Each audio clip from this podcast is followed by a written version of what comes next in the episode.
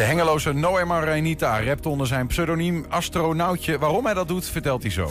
En we praten met Damstee-advocaat Niek Huibers over wat als kunstmatige intelligentie iets maakt. Bij wie ligt dan het auteursrecht? De almeloze kroegbaas Toon Epping doet mee aan het SBS6-programma The Tribute Battle of the Bands. En een nieuwe aflevering van Twentse politici op weg naar het Binnenhof. Met vandaag Yvonne Bijenhof. Het, is, ja, het lijkt op elkaar, hè? Ja, dat is mooi, hè? Het is donderdag 9 november. Dit is 120 vandaag. 120. 120 vandaag. De hengeloze rapper Noemar Reinita heeft een aantal nummers uitgebracht onder zijn eh, nieuwe artiestennaam, genaamd Astronautje. Voorheen uh, rapte hij onder zijn eigen naam met een groep. Met het pseudoniem Astronautje zet hij naar eigen zeggen een masker op. En de vraag is natuurlijk, waarom zou je zoiets doen? nou, die kunnen we hem eh, stellen, want hij is hier. Noemar, goedemiddag. Goedemiddag. Ik, met de deur in huis vallend. meestal zeggen we in de wereld, zet je masker nou af. En jij zegt, ik zet hem even bewust op. Ja, precies. Want dan kan ik wel gewoon wat anders zijn. Kijk, ik ben altijd een storyteller geweest. Ja. En, uh, dus ik was een open boek.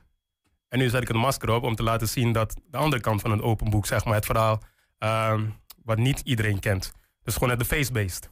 Want ik ben altijd geweest van, uh, van het diepe verhalen wat ik heb meegemaakt. En nu heb ik zoiets, ja, ik heb ook een andere kant. Ik ben ook een happy persoon zoals de meeste mensen me kennen. En ehm, dus ik heb ook last gefeest en gek gedaan, zoals het hoort. En uh, ja, dat is astronautje. Dus ik zet de masker even op. Het is wel grappig, want ik denk toch vaak dat het andersom uh, Precies. is, toch? Ja, dat klopt. Ja. Is het, is het wel je natuur dan om, om astronautje te zijn ook? Of, of, of zit het toch meer in je om je verhaal gewoon echt te vertellen? Um, als je eigenlijk de tracks goed luistert, zit er altijd een, een, een, message in. Ook al is het astronautje. Dus ik ben altijd wel van um, een message meegeven, zeg maar. Maar het hoeft niet te diep, te inhoudelijk te zijn, zeg maar.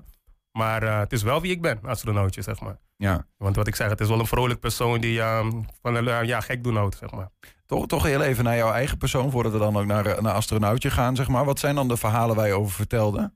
Um, ja, eigenlijk gewoon de, um, het leven dat ik heb geleid, of wat ik leid. Voornamelijk, zeg maar, ik heb als jeugd heb ik veel gezien. Um, ben veel op plekken geweest, laat maar zo zeggen. Dus en dat vertaal ik eigenlijk in mijn muziek. Als het positief of negatief is. Uh, je hebt ook een heftige geschiedenis in dat opzicht. En ja, eigenlijk denk ik, ja, kan ik wel zeggen van wel, ja. ja ik weet niet wat je daarover wilt delen, maar... De... Oh, ja, zonder, zonder dan de dat is er geen astronautje eigenlijk. Want, ja. uh, laat me zo zeggen, ik heb, uh, ik heb uh, ja, kampen gehad met een moeder die leed aan borderline. En dus we hebben verschillende situaties meegemaakt samen, waardoor ehm, ik heel veel heb gezien in mijn jeugd. En, maar ook wist om te gaan met mijn moeder zijn ja, hoe zeg je dat, ziekte. En ja. um, daarna heeft ze toch um, zelfmoord gepleegd, waardoor er astronautje, waardoor die personage eigenlijk ontstond. ontstond want ik zocht een uitweg. Ja. Ik zocht space. Ik wou iets anders dan te diep in mijn verhalen duiken met het rappen en zo. En toen ben ik de house in gegaan eigenlijk, als je het zo moet zien. En dat ja. is astronautje. Ja, precies. Is dat, uh, waren dat ook echt twee... Um waren dat ook echt twee werelden naast elkaar? Als in, uh, kan ik me voorstellen dat Noemar uh, thuis zat soms met de, de, de shit in zijn hoofd, zeg maar. Mm -hmm. En als die in de kroeg was, dat, je, uh, nou ja, dat het echt een andere persoon eh, was? Ik denk het wel. Ik denk dat het heel veel, um, sowieso veel artiesten hebben. Omdat um, het podium, dan, dan kan je toch jezelf zijn of zo. Um, hetzelfde als iemand die voetbalt. Zodra op voetbalveld staat, is hij zichzelf. Dan hoeft hij niet meer te verbloemen voor iemand anders. Weet je, is, is zijn plek om uit te laten, laat me zo zeggen. En zo zie ik het ook. Ja. ja. Waarom nu? Waarom nu astronautje? Omdat de tijd er gewoon nou is. het is. Het is zo gelopen. Ik denk dat de tijd uh, het echt letterlijk heeft gebracht. Want ik heb dit um, concept misschien wel 15 jaar geleden um, was het gebeurd. En dan heb ik drie jaar als een astronautje geleefd, laat me zo 15 zeggen. jaar geleden overleed jouw moeder uh, ja. door een zelfdoding. Ja, en, en dus in die, um, in die tijd, zeg maar, heb ik dus drie jaar lang gewoon geleefd als een astronautje, laat maar zo zeggen. Lekker, um, Waar komt die naam vandaan eigenlijk? Want je zegt het zo als een astronautje. astronautje. Ja, iemand die space en ruimte nodig heeft, ja, dan denk je heel snel aan een astronaut. Zodoende. En, um, ja, ja. en eigenlijk komt het door, door, door, de, door de, de, de track die ik ooit heb gemaakt, astronautje. Kijk, mijn, uh, mijn vrouw en ik, we, noemen elkaar astronautjes. Wij willen, het eerste wat ik haar vroeg, wil je met mij weg? Wil je met mij uh, sterk bekijken, zeg maar. Dus dat was eigenlijk onze, um, het creatie van onze naampjes, zeg maar. En, um, en toen kreeg ik een beat onder mij geschoven. En toen had ik zoiets van, hey, ik ga gewoon de hele tijd schreeuwen, ik ben een astronautje. Shorty wil een astronautje. En dat werd een track. En dat werd ook de bestaan van um, astronautje. Want de, het verhaal was er, maar de personage nog niet. En zo kwam het um, af twee jaar geleden eigenlijk. Zullen we eens gaan uh, luisteren uh, naar, naar, naar een stukje van uh, het nummer Buschauffeur van Astronautje. Mm -hmm. Hanging aan die stang. Push up, push up en ik druk, druk. Tanto billen in de club, club. Squat, squat, buk, buk. Een drankmuntje heb ik geluk, zeg. Doe maar een rode stier. En een, een glas. Vodka als Vladimir. Ben verliefd op al die tutjes hier. En de bus gaat rond, ja de wielen, de wielen van de bus gaan rond. En de bus gaat rond, ja de wielen, de wielen van de bus gaan rond. Je geniet ervan, hè? Ja, zeker. zeker. Ja, kijk, het, het verhaal erachter is toch wel, wel leuk op zich, zeg maar. Dus ja. Achter dit verhaal? Ja, ja, achter elke track heb ik een verhaal. Nou, ik, vertel. ik schrijf nooit zomaar iets. Uh, kijk, het is eigenlijk... Um, we waren uh, in Hengelo. Um, de eerste editie van de Oogstfestival. Op de Broesplaats. En um, daar waren we op de afterparty na ons optreden. En dat was in de bus die daar stilstaat, zeg maar. En um, stond een man op technomuziek de hele tijd schreeuwen. Hangen aan die stang, hangen aan die stang. En ik kijk mijn collega aan en ik zeg van... Ik heb, een, dat is hem. Ik, ik heb gewoon een tof idee voor de refrein. En het moment dat ik een goede beatronde kreeg... Ja, toen was het klaar. Joe um, Efico heeft dat gewoon geklaard voor ons. En we hebben op opnames um, hadden we al gedaan.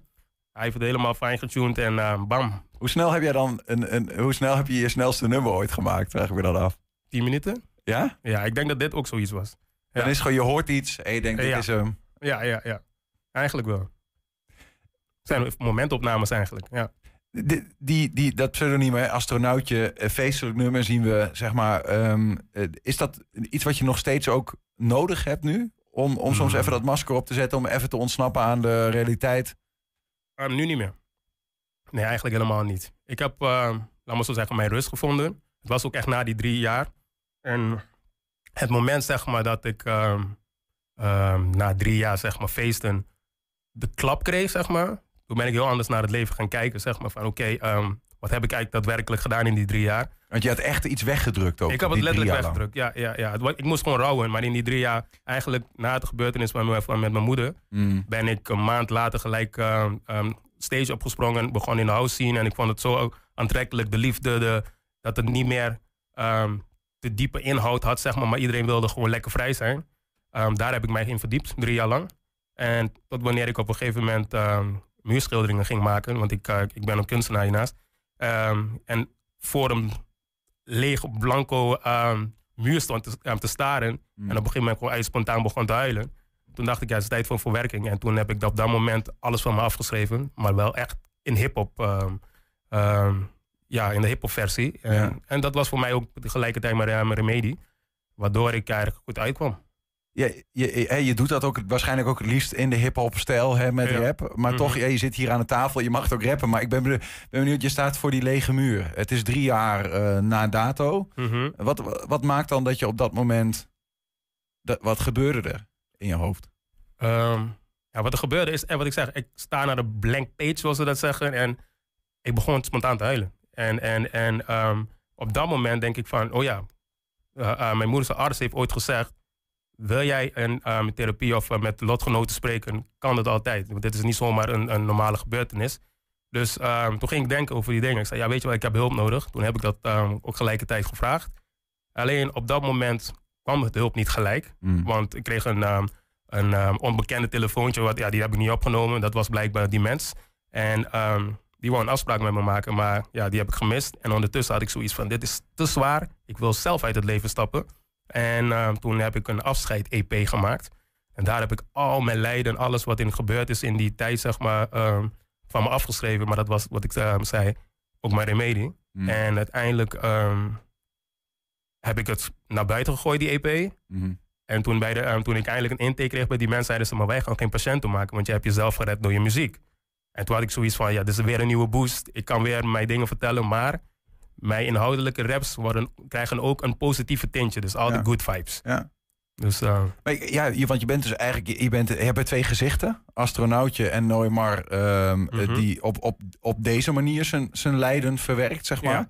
Eh, is het allebei waardevol geweest? Want je hebt wel drie jaar lang, uh, ben je dus op die manier als astronautje, heb je ontsnapt aan je geschiedenis. Dat Mhm. heeft je ook in leven gehouden. Of Ja, zou je ja. achteraf zeggen, dat had ik niet moeten doen op die manier? Nee. Ik moet uh, zeggen, als artiest ben ik door die jaren um, evolved. Zeg maar, um, in de zin van mijn presentatie is een stuk beter geworden.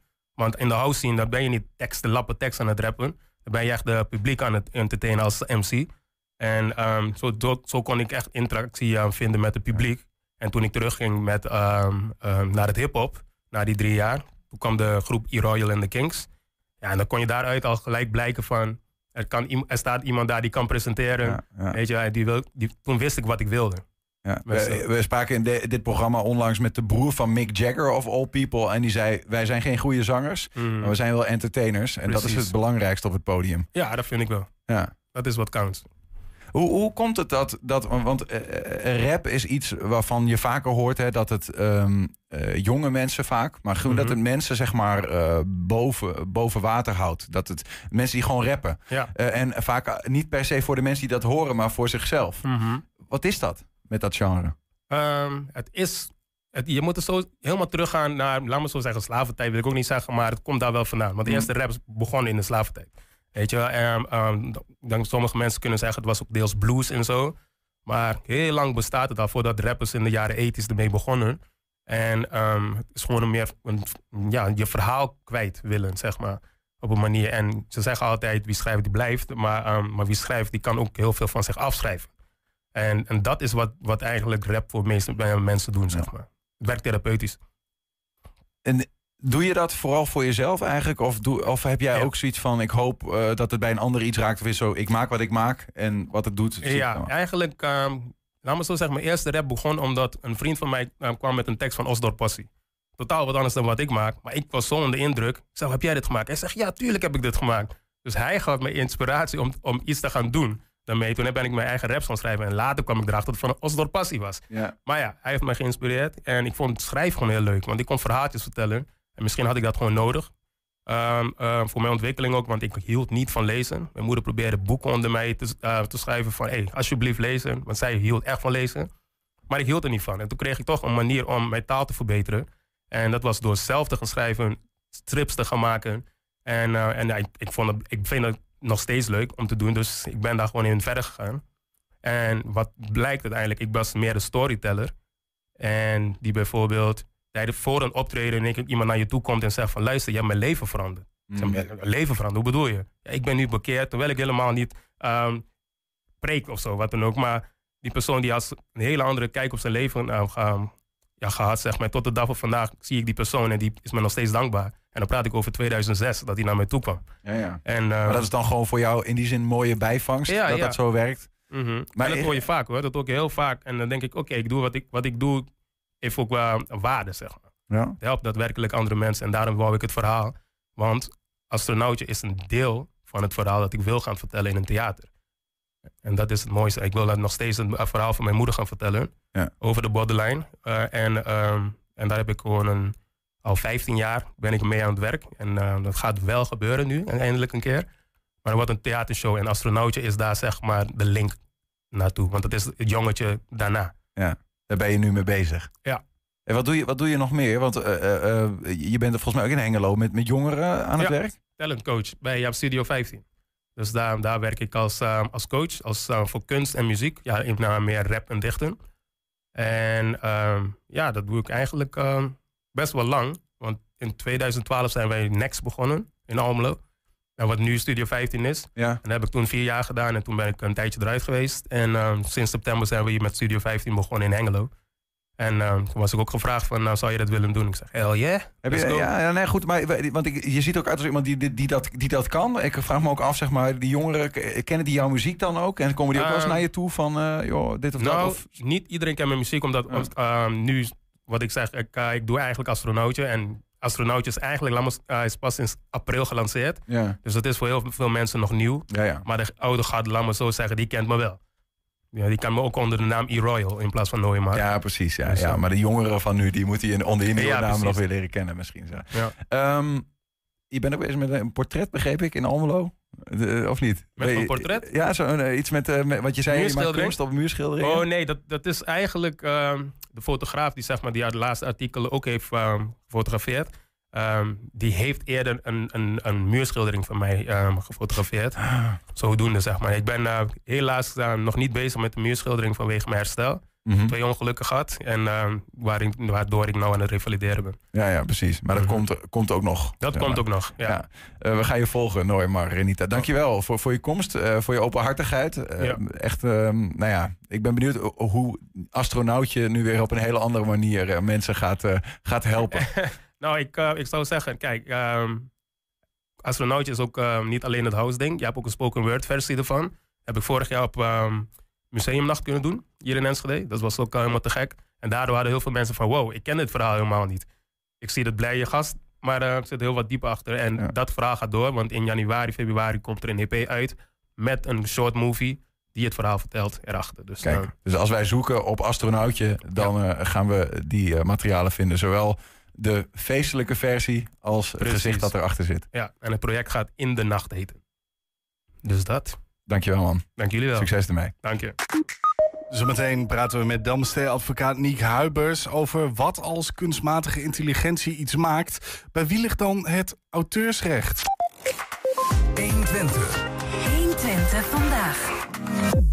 Ja, in aanloop naar de Tweede Kamerverkiezingen trekken 120 en Twente FM samen op om zetelkandidaten uit de regio te portretteren. Vandaag Yvonne Bijenhof uit Almelo. Zij wil de Kamer in voor de VVD. Politiek verslaggever Bouwien Rutte ging met haar in gesprek.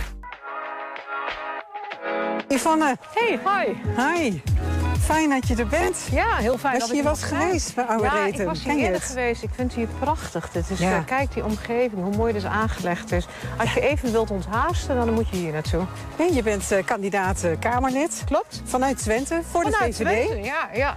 Ja, maar je bent ook al Kamerlid. Ik ben inderdaad al Kamerlid. Sinds eh, 12 september heb ik de hele eervolle taak om Kamerlid te mogen zijn.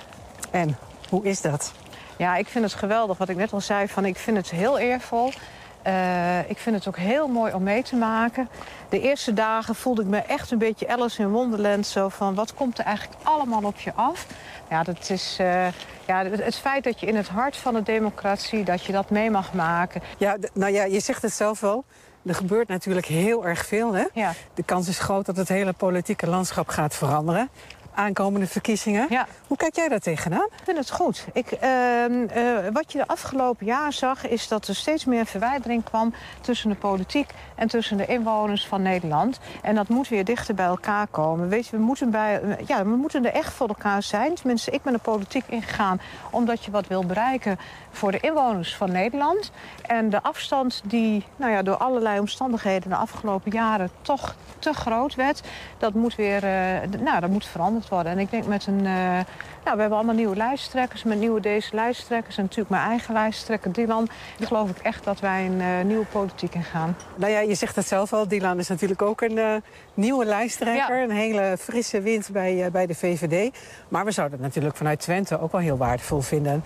als Twentse kandidaten ook weer terugkeren. Ja, Ja. Ik, zou, ja, ik wil heel en graag zeker terug. als ze vrouw zijn. Dat is natuurlijk ook heel erg mooi. eh. Ja, ja, dat vind ik ook. Ik, eh, ik vind het heel belangrijk sowieso dat mensen ervoor kiezen om de politiek in te gaan. En ook in deze tijd is het toch ja, best wel spannend, helemaal met social media. Het is ontzettend verhard, dus je moet er echt wel voor staan. Het is niet niks.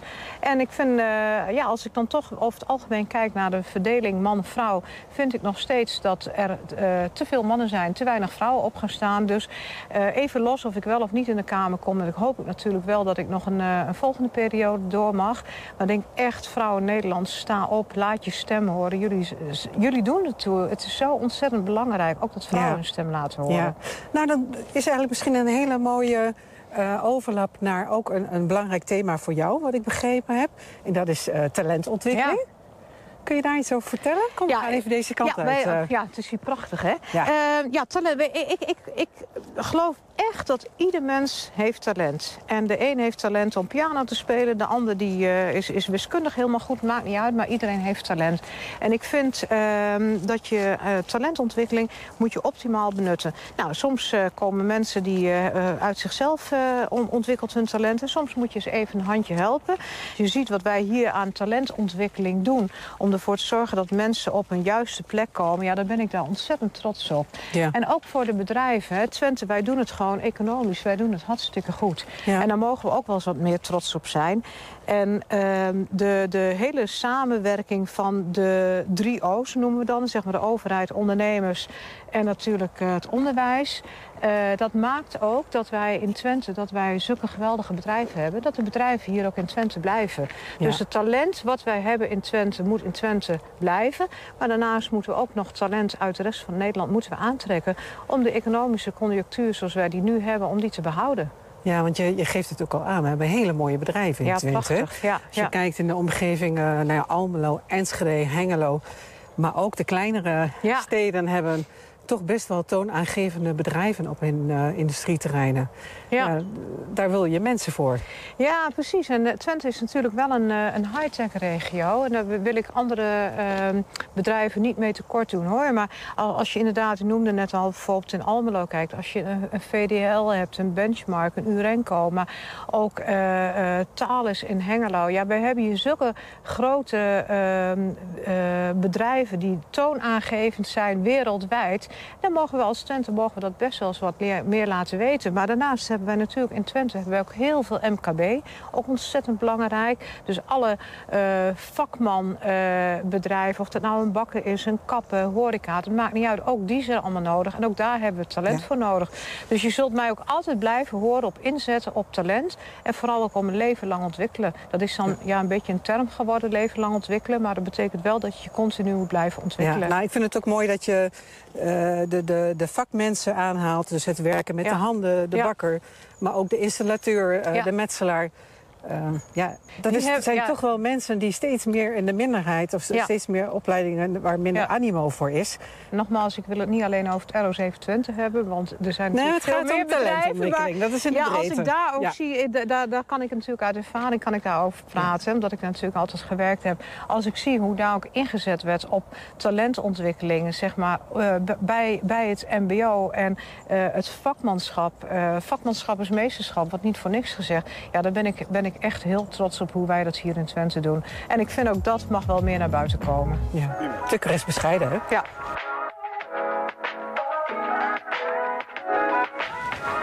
We zitten hier natuurlijk uh, tegen de Duitse grens aan. We zijn in, uh, in de Lut. Ja, en heel Noordoost-Twente zit je tegen die Duitse grens aan. Ja, klopt. Maar ik heb begrepen dat jij in de Kamer ook uh, bezighoudt met, met grensoverschrijdende samenwerking. Ja, dat, wij zitten hier zo dicht tegen de Duitse grens aan. Dat ons komt er niet aan dat veel mensen uit Nederland naar Duitsland gaan, vanuit Duitsland naar Nederland.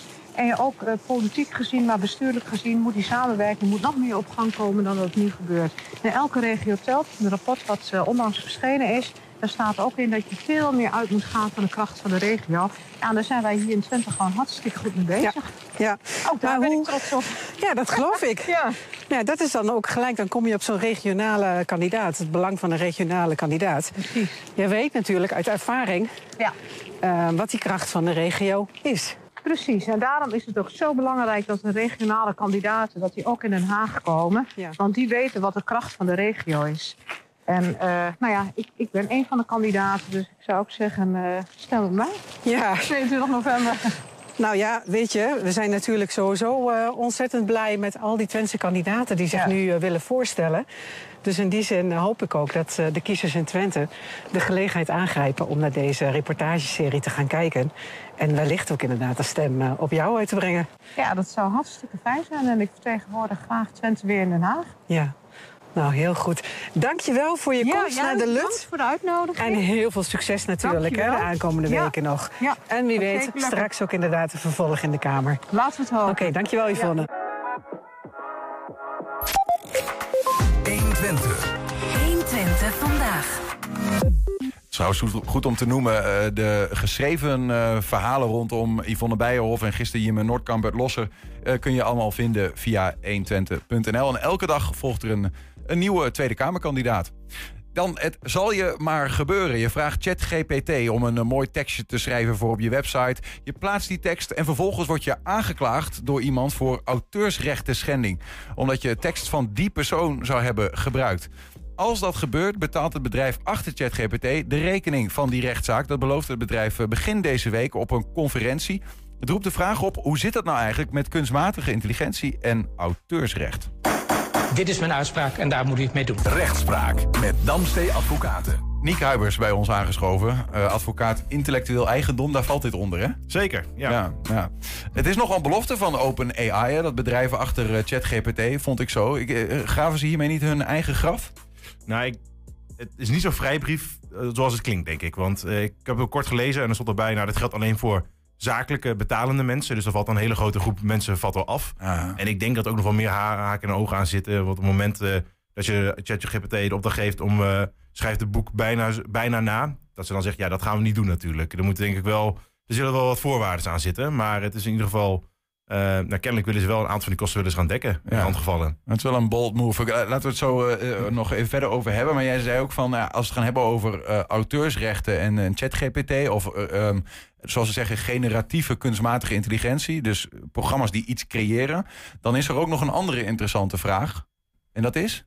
Er zijn een heleboel vragen. Maar de, de, eerste vraag is, ja, als je zoiets gebruikt... wie heeft dan een auteursrecht erop als je gebruik maakt van zo'n generatieve AI? Ja, ja. Dus, dus als, als ChatGPT iets uitspuugt aan tekst... Um, van wie is die tekst dan eigenlijk? Dat is de vraag. Precies, ja. Oké. Okay. Nou ja, laten we daar ook over praten. Maar dan moeten we daarvoor nog praten over de vraag... wat is eigenlijk auteursrecht? Ja, dat, dat lijkt me goed. Uh, auteursrecht, kun je, kun, je uren, kun je uren over praten en vullen wat er nou precies is. Maar als je hem even plat slaat... Uh, het is eigenlijk een bescherming van een intellectuele creatieve prestatie. Dus op, en dat kan van alles zijn. Een schilderij, een, een boek, een film, een verhaal. Uh, dus op het moment dat ik een verhaal schrijf en dat breng ik uit in een boek... en ik, ik verkoop dat boek aan jou... is dat, dat fysieke exemplaar, dat boek, dat, dat is van jou. Maar je mag niet opeens dat verhaal gaan kopiëren en gaan verspreiden. Dus uh, dat, het creatieve gedeelte, het verhaal, dat is niet, niet iets tastbaars. Dat is dan van mij. En dat, nou, dat is een, daar hoef je niks voor te doen. Dus op het moment dat jij een verhaal opschrijft en het is creatief genoeg. ja, dan kun je heel veel discussie over wanneer is creatief genoeg. Maar um, daar moet dus een keer menselijke arbeid, scheppende arbeid in zitten. En dan gaat het voor de rest vanzelf. Ik hoef niet naar een uh, bureau toe of wat dan ook om daar patent op te vragen. Maar dan is dat gewoon van mij. Ja, dat gaat, dat gaat direct. Dan heb je ja. gelijk uh, auteursrecht heb je daarop. En dat betekent dus dat anderen niet zomaar ermee aan de haal mogen gaan. Dus, en, uh, en nou, nou schijnt het dus zo te zijn dat op het moment dat kunstmatige intelligentie iets creëert. Um, en dat kan zijn uh, een plaatje, dat kennen we in de vorm van ChatGPT. Dat is de meest bekende. Maar je hebt ook, uh, of sorry, als tekst. Maar je hebt mm. ook plaatjes. Dan heb je programma's als DAL-E of Midjourney of whatever. Mm -hmm. Um, daar, daar, dan is het in één keer ingewikkelder. Dan bij wie ligt dat auteursrecht, hoor ik je eigenlijk zeggen. Van wie is die tekst eigenlijk? Uh, waarom is dat zo? Nou, dat gaat bij het auteursrecht om ja, wie heeft het, bij wie ligt het creatieve proces? Wie maakt de creatieve keuzes om hetgene dat je uiteindelijk maakt? Dat noemen ze dan in het, auteurs, uh, in het auteurswet het werk. Dus mm -hmm. de film, uh, de, de, tekst. Um, wie heeft die creatieve beslissingen daarin genomen? Nou, op het moment dat je, laten we ChatGPT als voorbeeld nemen... daar voer je een tekstvakje, voer je een opdracht in... schrijf een verhaal over, over, een, over een draak. Mm -hmm. um, nou, dan gaat hij daar, dan gaat ChatGPT gaat er, schrijft daar een verhaal over. Um, maar ja, maakt dan ChatGPT die creatieve, creatieve keuze? Want die, die maakt een heel verhaal. Of is degene die ja, uh, die opdracht invoert? Um, en daar bestaat dus wel de discussie over. En ik heb het idee dat wel meer neigt van ja, uh, ChatGPT maakt die keuzes. Want hetgene wat je, uh, die opdracht die je geeft, daar initieer je wel iets mee. Maar dat is maar eigenlijk zo beperkt. Je geeft wel een kickstart, maar eigenlijk alle keuzes hoe het verhaal vorm wordt gegeven, ja. dat doet die uh, kunstmatige intelligentie. Ja, het creatieve werk is bij ChatGPT, dus dan zou daar het auteursrecht liggen. Maar dat is nu niet zo dus? Nou goed, dat is een beetje de discussie. Want eigenlijk, uh, je kunt ook zeggen, ja, eigenlijk die ChatGPT, dat is een soort van uh, gereedschap dat je gebruikt. Net zoals je een, een, een schilder een kwast gebruikt, of iemand anders die Photoshop gebruikt. Ja, dat is ook een programma die je gebruikt om, om iets te creëren. Ja. Nou, daar kun je zeggen, daar maak je meer, zelf meer creatieve keuzes. En dat is bij zo'n generatieve AI is dat een stuk beperkter. Ja, ja. Um, dus dat is nog niet helemaal duidelijk van ja, waar is dat auteursrecht dan? Want er moet wel een soort van menselijke creatieve arbeid in zitten. En wat is dan, ja, als je daar een slotsom, want uiteindelijk kom je natuurlijk, uh, uh, komt dit soort zaken denk ik ook gewoon in de praktijk voor. Dat iemand zegt, hé, hey, dit is mijn tekst. En dan zegt iemand anders, nee, maar dat heb je laten genereren door ChatGPT of wat dan ook bij. Ja, wat zegt dan de wet hierover? Of is dat helemaal onduidelijk? Um, ja, nou, dat is, de wet is op zich duidelijk. Uh, iemand moet het maken. eh, en een maker moet een creatief menselijk handelen achter zitten. Maar dat betekent niet dat er iets anders bij gebruikt wordt, dus het gereedschap. Dus dan niet helemaal duidelijk van ja, bij wie komt het auteursrecht nou te liggen. En vermoedelijk, eh er ongetwijfeld wel procedures lopen en gaan, maar die, die duren dan een hele tijd. Dus dan loop je eigenlijk een beetje achter de feiten aan. eh het recht regelgeving, ja, hoe je daarmee om moet gaan. Omdat de technologie zo snel gaat. Want een jaar geleden, toen waren er nog een heleboel mensen niet bekend mee. En nu Ja. Miljoenen Ja, gebruikers. Waar, waar ik ook aan zit, want het is, ehm, het, je, hebt, je hebt ook zogeheten prompt engineers tegenwoordig. Hè? Dus het is goed om het even uit te leggen. Je geeft dus een opdracht aan ChatGPT, maak iets. Mhm. En dan gaat ChatGPT dat maken. Dus dat, dat is de creatieve. Aan de andere kant worden ook die opdrachten die aan ChatGPT worden gegeven, worden steeds creatiever. Ehm, de- dus eh, daar zit ook nog iets van een creatief proces in. Ik kan me ook voorstellen dat iemand zegt, ja, maar ik heb een hele eh, creatieve vraag gesteld aan ChatGPT of aan eh, DAL-E of aan Midjourney om een plaatje te maken. En daardoor krijg ik dit eh, product. Dus dat daar ook nog een soort van. Ja, precies. En dat is dan de vraag, waar moet de nadruk op komen? Wat is het creatieve gedeelte? Is dat, dat die opdracht, die prompt? Ja. Of is dat zeg maar eh, die generatieve AI die van alles van nog wat eh, van dingen vandaan plukt? Mhm. Ja, is die dan het creatieve gedeelte? Ja. Ja, en dat, dat is nog niet helemaal, dat is nog niet duidelijk. Ehm, en dat zal ongetwijfeld in de komende jaren meer duidelijkheid over komen. Maar voor, vooralsnog is het nog een beetje zoeken. Hobbelt de jurisdictie weer achter de techniek eh, aan. Ja, en zeker Ja. met dit soort snelle, die, eh, snelle technieken, die of tenminste die zo snel ontwikkelen, ja, dan eh, is het altijd een beetje zoeken welke kant het op gaat. Dan naar die andere vraag. Hè. We begonnen dit gesprek ook te zeggen dat OpenAI, het bedrijf achter ChatGPT, eigenlijk aan klanten zegt ehm, van hey, als je nou problemen krijgt, jij hebt tekst gemaakt en iemand zegt je pleegt auteursrechten schending, want die tekst is van mij, dan betalen wij de prijs. Ehm, daarvoor moeten we misschien ook uitleggen dat, dat die, die technologie wordt getraind met bestaande bronnen. Dus eh, ChatGPT heeft allerlei bestaande teksten waar gewoon auteursrecht soms op rust gebruikt om zichzelf te trainen. Mhm. Dus je ziet soms teksten terug waarvan mensen denken... hé, hey, dat lijkt wel heel erg op mijn tekst. Pleegt ChatGPT daarmee niet in, de, in zekere mate dan auteursrechten schending? Als, als die tekst uitpoept die op basis van tekst is eh, tot stand gekomen? Ja, met een auteursrechteninbreuk, als we nou even teruggaan weer naar het voorbeeld met een boek. Eh, als, ik, eh, als ik een boek geschreven heb en jij maakt een boek dat er heel erg, heel erg op lijkt, ja, dan ben jij degene die de inbreuk, de inbreuk pleegt. En op het moment dat je via ChatGPT, daar komt het boek uit of er komt de tekst uit, Ja. en jij brengt dat naar buiten, dan is degene die dat naar buiten brengt, dat is dan je wederpartij. Dat is niet zeg maar de, de, de organisatie erachter, want jij bent degene die het, die het naar buiten brengt. Dus die, die, spreek je de, die spreek je dan dus ook aan. Ja, oké. Dus ChatGPT is niet, in principe niet te, te verwijten. En toch zegt ChatGPT nu... klanten, als je met de, hiermee te maken krijgt... dekken wij de rekening. Dat ze ook wel voelen. Het komt eh, dan waarschijnlijk via onze eh, programma. Ja, want ehm, daar, daar is ook nog wel enige onduidelijkheid over. Want eh, zoals je net zei, heel veel, zo'n zo'n eh, ChatGPT die maakt gebruik van openbare bronnen. Maar het is eigenlijk niet helemaal duidelijk welke bronnen ze gebruiken. En mogen ze die zomaar überhaupt gebruiken? Want als er ergens auteursrecht op zit, mag je dat niet zomaar gebruiken. En kennelijk gebeurt dat dus wel. Er zijn dus mensen die zeggen, hey, die tekst die eruit komt, die lijkt heel erg aan mijn tekst. Eh, waar komt dat vandaan?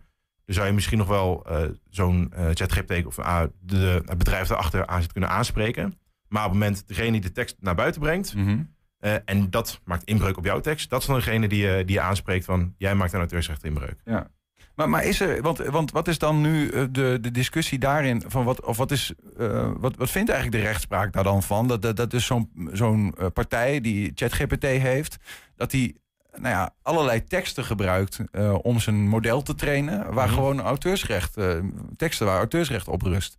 De, de, kan dat dan zomaar? Of wordt daar ook wel. Of zit daar nog, is er nog een kans dat ChatGPT op een gegeven moment de nek wordt omgedraaid? Ja, voor mij is dat nog niet helemaal duidelijk. Want ze weten niet eh, of dat, dat, dat trainen van zo'n van zo'n model, of dat een auteursrechteninbreuk is, eh, wel of niet. Ehm, dus dat is een beetje onduidelijk of je daarop ChatGPT kunt aanspre eh, aanspreken. Nou, Ja. Nou ja, blijkbaar is OpenAI, dat bedrijf is best wel zeker van zijn zaak. ehm, dat zij eh, niks verkeerd doen. Want zij zeggen, wij betalen je rechtszaakrekening. Ja, dus, nou, dan vermoeden ze dus wel dat, dat er iets waarschijnlijk aan de hand is. Maar ik denk niet dat ze dat wel roepen, maar dat dat wel, dat het wel een stuk genuanceerder ligt. ja. Dat er echt wel wat uitzonderingen zijn. Want ik kan me voorstellen dat ze niet zomaar bij eh, te pas en onpas eh, alles gaan, eh, gaan uitkeren. Maar dat ze dan wel denken van, nou goed, er zit misschien in sommige gevallen wel een bepaald risico in. Nou goed, in die gevallen springen wij dan in. Ja, ja. Maar ik ben ook wel echt benieuwd hoe dat, eh, hoe dat in de praktijk gaat ontwikkelen. Want voor mij is dat nu, eh, sinds kort hebben ze dat eh, naar buiten gebracht. Ja, Dus- maandag. Ja. Ja. Nou ja, ik dacht vooral ook, maar dat is een, beetje persoonlijke mening. Ik denk van ja, als zij eh, eh, blijkbaar zoveel macht of geld hebben dat ze zeggen, nou prima, elke auteursrechten lawsuit die we krijgen, die betalen we dan wel voor klanten. En daarmee eigenlijk het recht opzij schuiven.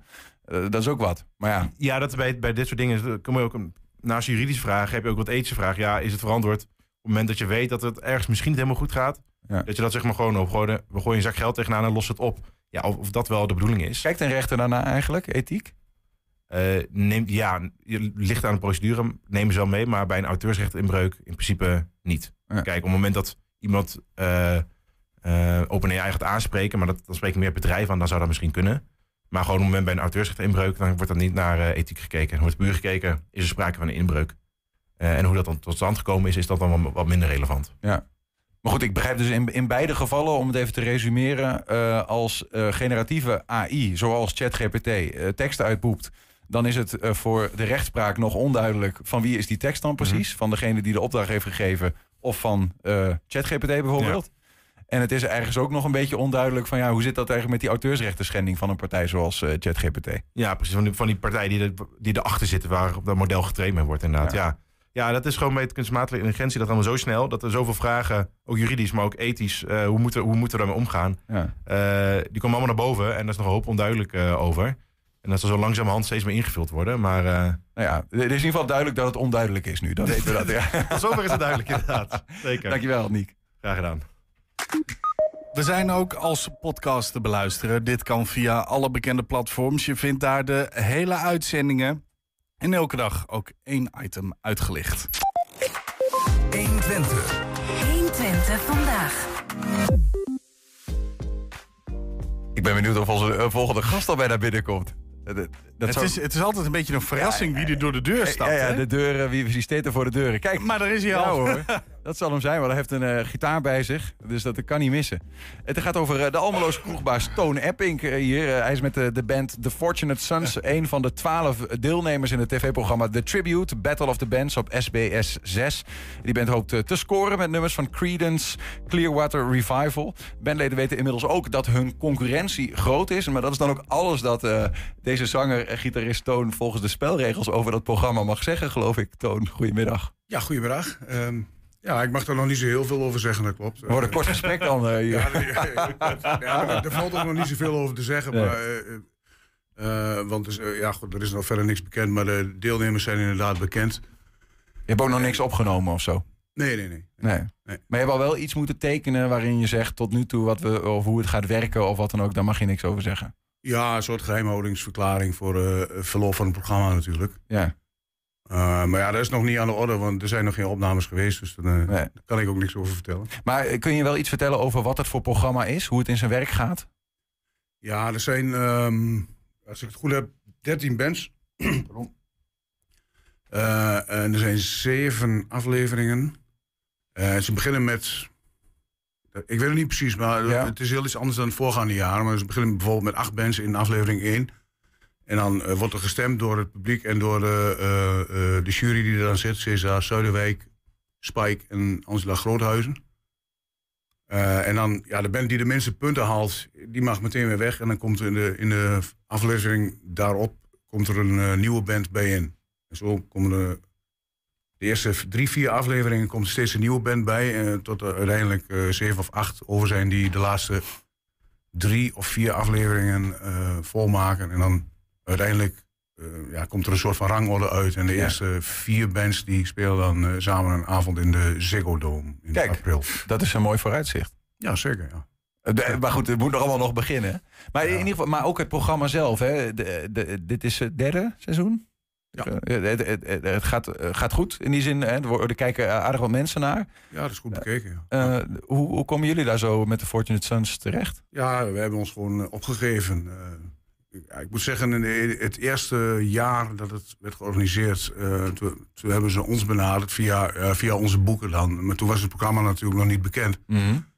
Dus toen, toen waren ze echt eh, actief op zoek naar tributebands om mee te doen. En ja, toen hebben wij ons ook wel beschikbaar gesteld, maar toen vonden ze het niet zo passend in het programma. Eh, ja, het- wat me bijstaat nog is dat ze zeiden, CCR is niet mainstream genoeg. Ja, ja goed, daar kan ik niet zoveel mee, moet ik zeggen. Maar eh, En, en, en toen won vorig jaar opeens Bouke en de Elvis Matter Band, Ja. de vorige editie. Eh, eh, dus uiteindelijk is die muziek dus wel populair genoeg uit die tijd. Ja, ik weet ook niet of het met de tijd te maken heeft. En uh, Bouke, dat was dan het tweede, ehm, tweede seizoen. En eerste seizoen was vorig jaar. Toen heeft die band die Queen nadeed gewonnen. Queen Must Go On.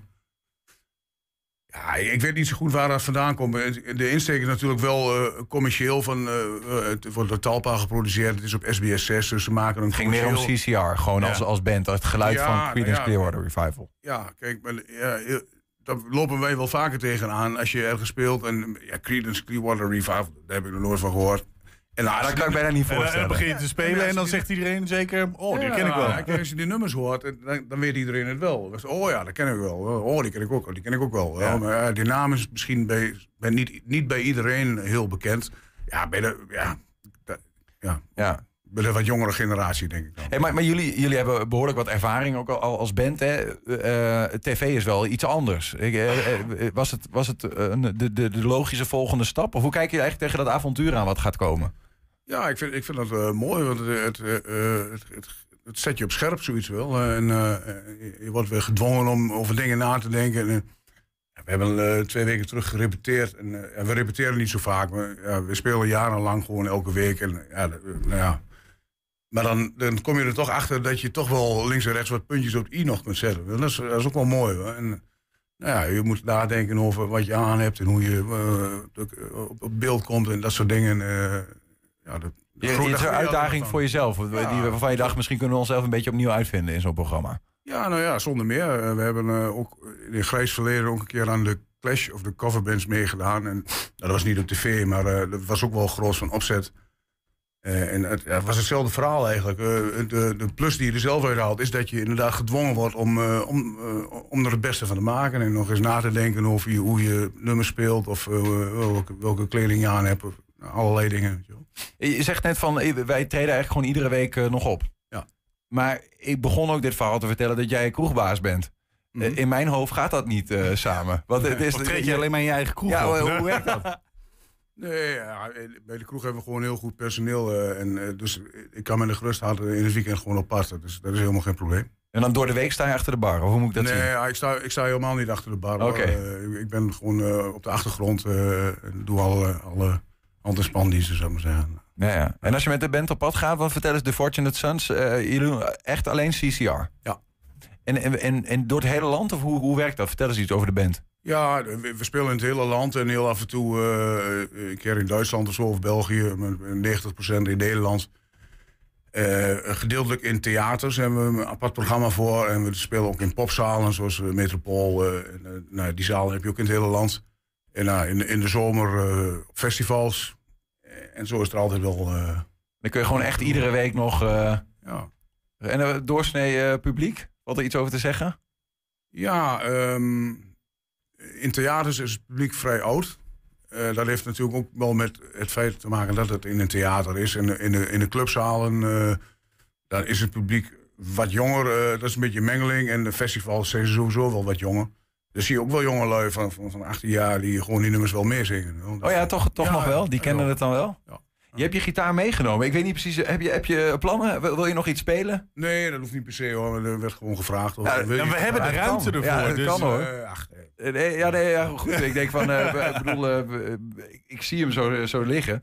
Ehm, maar goed, de- dat, dat, dat avontuur komt eraan. Wanneer, wanneer ga je, van, kan je daar niks over zeggen? Wanneer ga je dan eerst, wat, wat is de bedoeling nu vanaf nu? over, ja, over twee weken zijn de opnames en dan, dan wordt het vrij vlot afgerond. En dan is het vanaf januari op televisie. Oh gaat gewoon achter elkaar eh, in dat opzicht. Is er ook nog een live iets bij? Nee. Het is allemaal opgenomen werk. Ja. Dat mag je nog wel zeggen. Ja, ik wil ook niet eh, dat je Ja, straks nou eh, ja. failliet bent. Hè? nee, maar de, goed, de eerste uitzending is op, op, op 6 januari, geloof ik. Hè? Dan, dan gaan we jullie zien. Ehm, hoe staan jullie erin? En nu van nu je mee, nu je in de pool zit, nu moet je ook winnen? Of is dat niet per se...